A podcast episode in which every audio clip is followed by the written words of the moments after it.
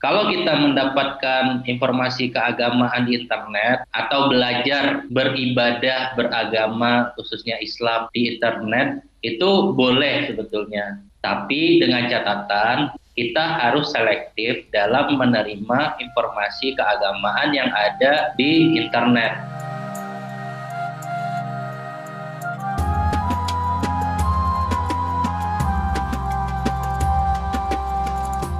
Assalamualaikum warahmatullahi wabarakatuh. Untuk kamu yang sedang mendengarkan podcast Ramadan Vibes Saya Indra Saputra yang akan menemani kamu di episode ketiga Podcast Ramadan Vibes Podcast edisi khusus Ramadan persembahan dari KBR dan juga islami.co Nah, podcast ini sengaja dihadirkan untuk menjawab pertanyaan kamu yang sudah dikirimkan ke akun sosial media KBR dan juga islami.co.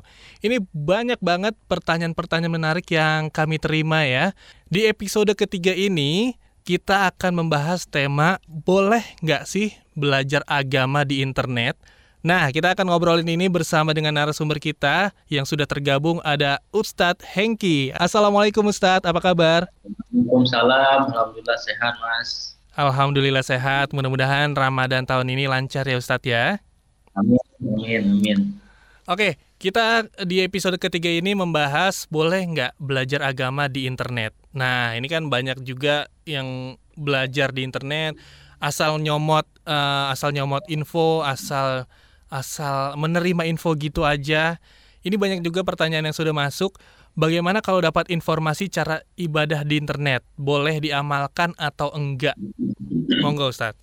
Ya, kalau kita mendapatkan informasi keagamaan di internet atau belajar beribadah beragama khususnya Islam di internet itu boleh sebetulnya. Tapi dengan catatan kita harus selektif dalam menerima informasi keagamaan yang ada di internet. Tidak hanya internet sebetulnya, tapi dalam hal apa pun dari mana aja kita itu harus selektif, kritis untuk mempertanggungjawabkan informasi yang kita terima.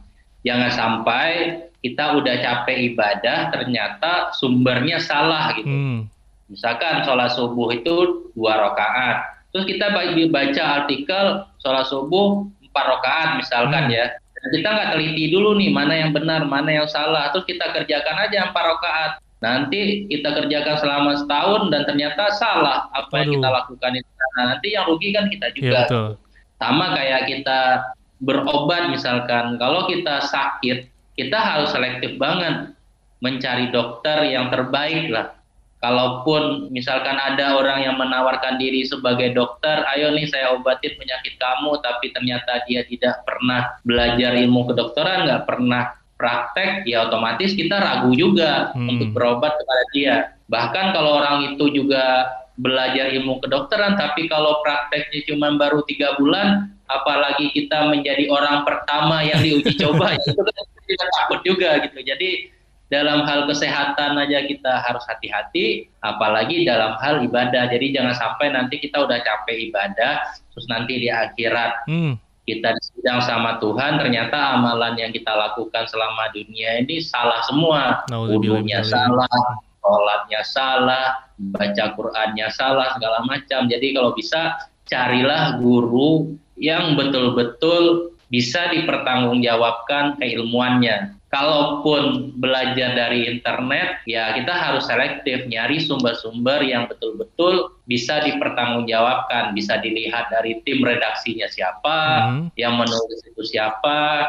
Kalau di YouTube misalkan kita bisa lihat ini ustadz ini siapa, dulu belajar di mana, dan kalau bisa kita ketemu langsung sama dia lebih baik ya sekarang kan sangat terbuka ya, hmm. ada banyak ustadz ada banyak website-website keislaman yang sebetulnya mereka juga terbuka untuk menerima konsultasi dari kita. Jadi kalau bisa ketemu langsung ya kita bisa memastikan ini orang ini bisa dipertanggungjawabkan apa enggak keilmuannya. Gitu Mas dari Oke, berarti lebih memilih dan memilah ya, lebih kritis lagi. Ya, seperti ya, kritis. seperti memilih uh, berobat ke dokter mana itu dia jangan yeah. sampai jangan sampai nauzubillah min zaliknya apa yang kita kerjakan di dunia ini beribadah berdasarkan dari internet dari informasi yang tidak bisa dipertanggungjawabkan tapi kita juga tidak bisa mempertanggungjawabkan itu di akhirat nanti ternyata ya. amalan ibadah hmm. yang kita lakukan ternyata salah. Wah, itu nauzubillah min zalik banget ya. ya. Nah, mungkin uh, Ustadz Hengki bisa memberikan tips dari mana kita kalau ingin mencari pengetahuan perihal beribadah,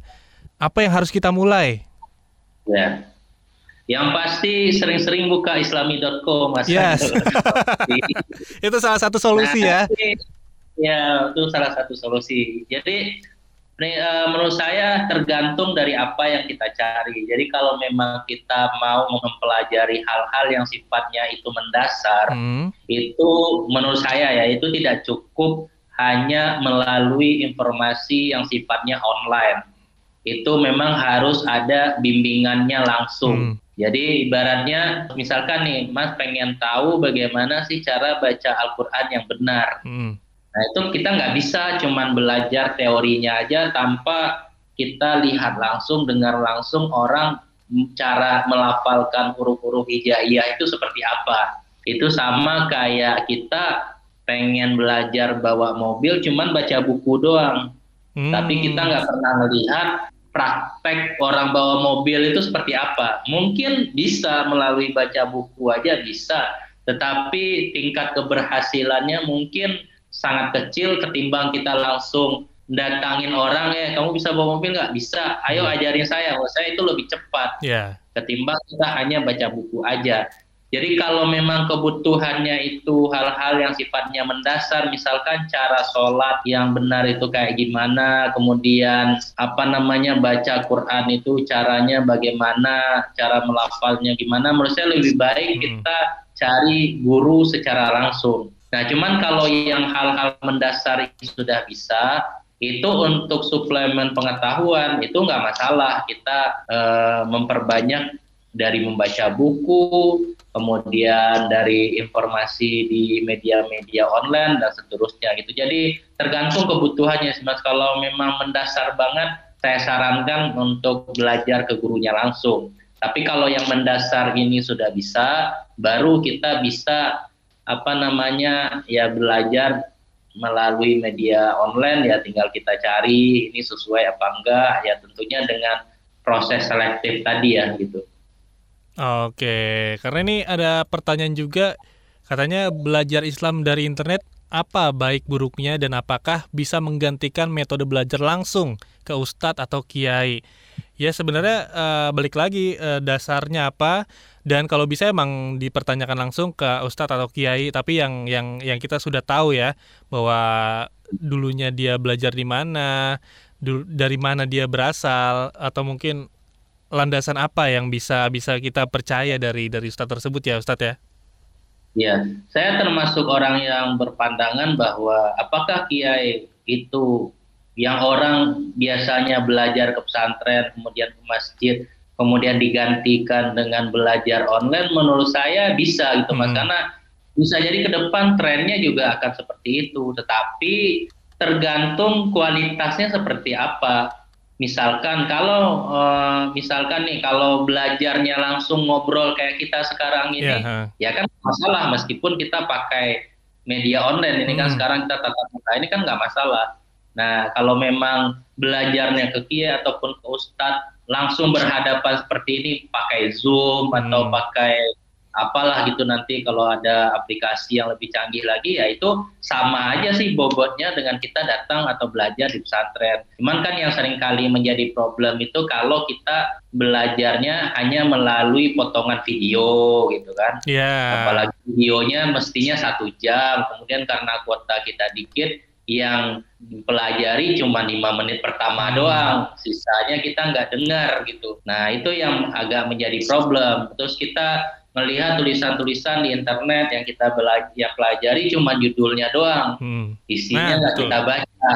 Nah itu yang menjadi problem sebetulnya mas karena tapi kalau kita bisa mempelajari itu secara runut dan sistematis ya menurut saya nanti hasilnya juga sama dengan orang-orang yang apa namanya belajar di masjid gitu kan atau di madrasah apalagi kalau kita bisa uh, bikin kegiatan pengajian online tapi tatap muka langsung dengan ustadznya melalui Zoom dan dibahas pembahasan dari yang dasar sampai yang berat ya nanti hmm. hasilnya insya Allah sama juga dengan orang yang belajar langsung ke pesantren ataupun ke, ke madrasah. Tapi yang menjadi problem nanti itu hanya bagi orang yang kalau belajarnya itu sepotong-sepotong. Yes.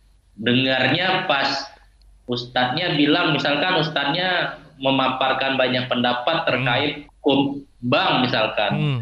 Nah, cuma dia tahu nontonnya pas bunga bank itu haram pas itu doang dia tahu kemudian habis itu matiin nah padahal si ustadznya ini setelah itu memaparkan banyak pendapat hmm. misalkan tapi yang yang dia dengar cuma yang haramnya doang hmm. nih hmm, hmm. haram habis itu masuk neraka misalkan sehingga dari situ dia setelah dengar video itu nanti yang lebih parahnya lagi ya dia koar-koar ke orang yeah. apa namanya ngatain orang segala macam nah itu yang yang menurut saya agak lebih berbahaya di situ sih. Jadi tapi kalau memang belajarnya bisa mendalam, sistematis dan intensif, ya insya Allah hasilnya juga nggak akan kalah baik dengan orang yang belajar langsung di masjid ataupun uh, di pesantren gitu.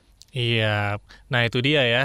Boleh belajar agama dari internet, belajar agama dari mana pun juga boleh, tapi kita lebih selektif dan jangan lupa kalau mau belajar jangan setengah-setengah, jangan cuma baca judulnya, jangan cuma menyimak ya. obrolannya cuma setengah aja, tapi didengerin, diperhatiin sedetail mungkin sampai habis, baru kita bisa menyimpulkan, baru kita bisa menafsirkan itu semua. Boleh belajar dari internet, boleh dari YouTube, boleh dari mana pun, termasuk dari podcast Ramadan 5 ini ya, Ustadz ya. ya. Bisa didengarkan hmm. sambil beraktivitas, sambil sahur juga bisa, sambil di perjalanan, sambil menunggu buka juga bisa, sambil bekerja juga bisa didengarkan.